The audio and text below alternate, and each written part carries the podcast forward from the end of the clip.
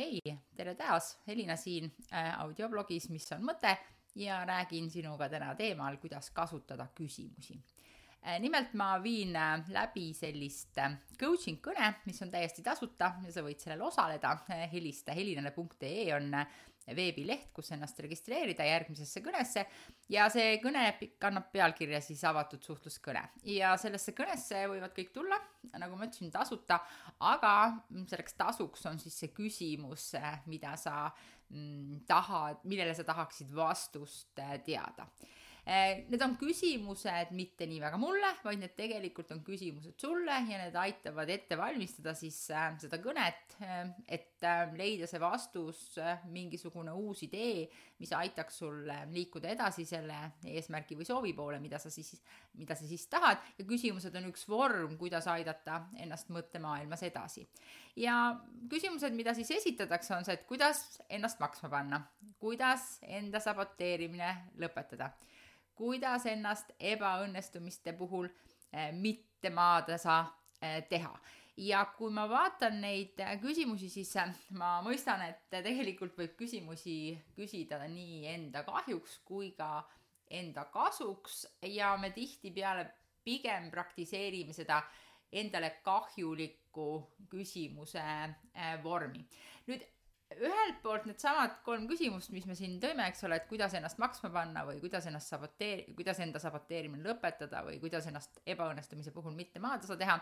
Need, nad ei ole nagu nüüd pealtnäha väga mm, noh, nagu halvad küsimused, et nad toovad välja probleemi, eh, kuidas ennast nii-öelda kehtestada, eks ole, kui ennast maksma panna tahan, et kuidas ma ennast kehtestan, et see on minu probleemne koht. aga viis, kuidas me pigem vaatame neid küsimusi, on lõplik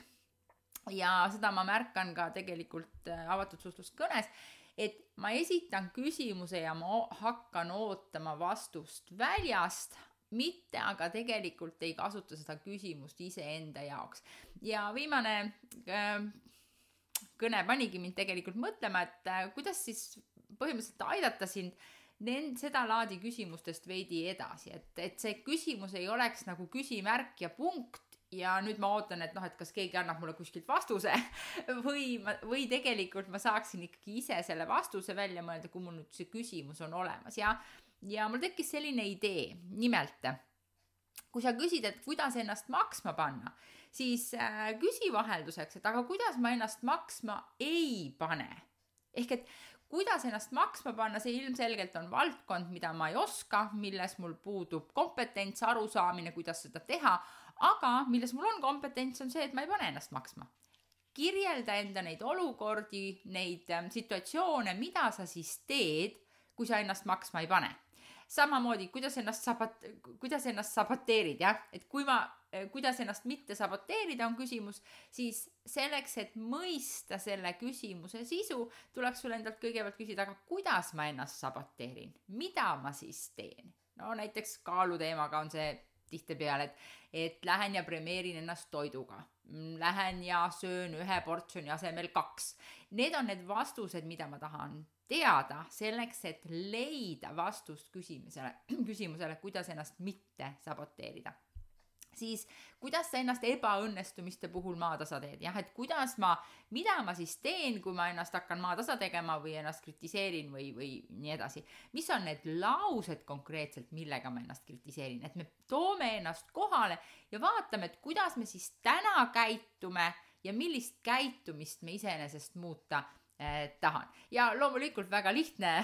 nõuanne on siis see, et kui sa nüüd tuvastad kõik selle, eh, mis aitab kaasa sinu saboteerimisele ja enese mitte kehtestamisele ja nii edasi, siis jäta lihtsalt need tegevused tegemata ja asenda need millegiga. aga ähm, kui me räägime nagu mõttetreeningu poolest, siis tegelikult sellesama harjutusega, kus ma saan teadlikuks, mida ma teen, olen ma juba natukese mõelnud selle üle, selle olukorra kohta, saanud enda kohta infot ja sellega juba muutnud seda mõttemaailmas toimuvat, mis mu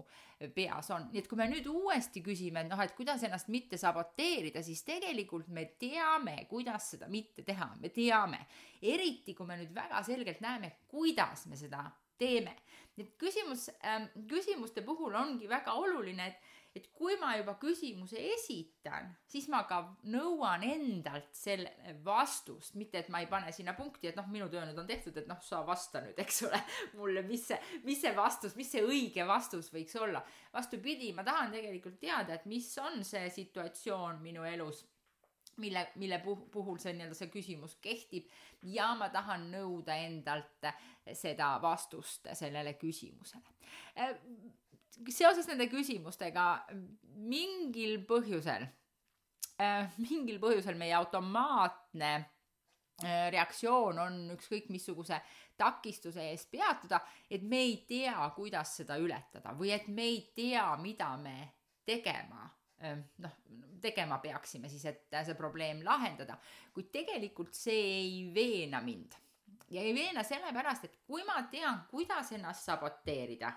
siis ma tegelikult tean, kuidas ennast mitte saboteerida, mõtle selle peale, eks. et ma tean, kuidas ennast saboteerida, sest et ma näen ennast seda tegemas. aga ma saan sellest teadlikuks siis, kui ma kirjeldan endale, kuidas ma seda teen. ehk et ma lähen detailidesse, ma kirjeldan endale üksipulgi seda, mida ma äh, teen ja kui ma nüüd ei soovi ennast äh, saboteerida, siis mul, ma esitan endale küsimuse ja kui sa küsid, siis sul tuleb vastata. Kuidas ennast mitte saboteerida, sa esitad endale küsimuse ja nüüd sa vastad, aga sa vastad mitte niimoodi nagu lambist ja teadmatusest, vaid nüüd sa vastad juba selles selguses, kus sa näed, et aa, ma käitun endaga sellisel moel, ma ei taha olla enda vastu kuri, ma ei taha endal neid jõuvõtteid kasutada endaga, eks ole, ma ei taha endale nii halvasti öelda. ja nüüd ma küsisin, okei okay,, aga kuidas ennast siis mitte saboteerida või kuidas ennast, endaga paremini läbi saada või kuidas äh,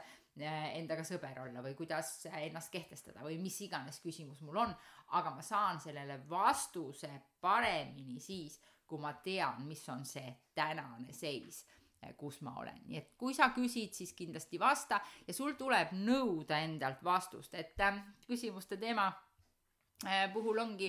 üks suuremaid probleeme, et ega küsimusele vastuse saamine ei, ei tule nagu nipsust, et esitan küsimuse, saan kohe vastuse, see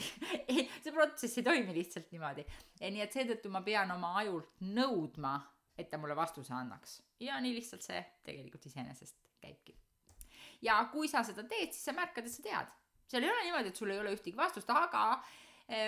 märkamise puhul on jällegi see, et me oleme kriitilised oma vastuse suhtes, me arvame, et me vastus on vale mm,. arvame siis teistpidi, jällegi üks hea nõuanne sulle, et arva, et su vastus on õige sest et keegi niikuinii ei tea, kas see vastus on õige või vale, aga eh, seesama eneses kahtlemine ei vii sind edasi, nii et tegelikult sa tead. kuid on tegelikult hoopis äh, teine põhjus, miks me tahame arvata, et me ei tea. et küsimus ei ole mitte teadmises, küsimus ei ole selles, et ma ei teaks oma küs esitatud küsimusele vastust. Põh-, tegelikult põhjus, miks me ei taha teada, seisneb ebamugavuses, mis tuleneb sellest teadmisest. ja me ei taha tunnistada endale tõde, et kui ma ütlen, et noh, et kuidas ma saan üle hirmust inimestega suhtlemise ees, siis miks ma ei taha teada vastust? sellepärast, et siis mul tuleb teha seda, mida ma nüüd tean ja vot see teeb selle olukorra keeruliseks ja siis mu aju paneb pigem plokki ja ütleb, et aa ei, et saboteerime ennast edasi ja oleme nõrgukesed edasi ja ärme räägi inimestega edasi ja ja sest et see, see hetkeolukord on mugavam kui see, mida ma tegelikult äh, tegema pean selleks, et ületada neid barjääre, mis ma endale täna äh, seo-, äh, ette seadnud olen. aga kui ma õpin nüüd olema endaga aus, ja see sinnasamma sellesse protsessi äh, kuulub ka see enesekaardistamine, millest ma just rääkisin, et kui ma ennast saboteerin, siis kuidas ma saboteerin, kui ma ennast ei kehtesta, siis mida ma siis teen selle asemel, kui ma ennast ei kehtesta. et ma, kui ma märkan seda, mida ma tegelikult teen ja olen endaga aus, et ma seda teen, siis ma saan hakata tegelema tegeliku probleemiga, sest et vastus on mul muutuseks niikuinii olemas ja nüüd ma saan hakata tegelema selle ebamugavuse ületamisega, mis tuleneb selle idee järele minnes, mida ma endale olen öelnud. ja vot sedalaadi tõde paneb sind liikuma ja sedalaadi tõde muudub, muudab su elu. nii et ole enda vastu aus äh,, märka, kus sa oled, mida sa teed, mida sa ütled ja esita see küsimus ning vasta. ja sa märkad, et sa tead seda vastust ja nüüd see probleem ei ole mitte selles, et sa ei teaks vastust, vaid probleem on selles, et sa ei taha teha seda, mis seal vastuses on. ja vot see ebamugavuse koht on see nüüd see, mida siis mõttetreeningu abil eh, lahkama hakata, et mõista, mis on su mõtted, mis on su mis mõjutavad neid tundeid, mis ei lase sul teha neid tegevusi, mida sa tead niikuinii, et sa pead eh, tegema. ja selle kõigega me tegeleme mõttekoolis, nii et kui sind huvitab igapäevane praktiline mõttetreening, siis sa oled oodatud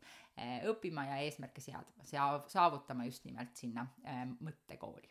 Aga aitäh, et kuulasid audioblogi, mis on mõte ja kuulmiseni siis järgmisel korral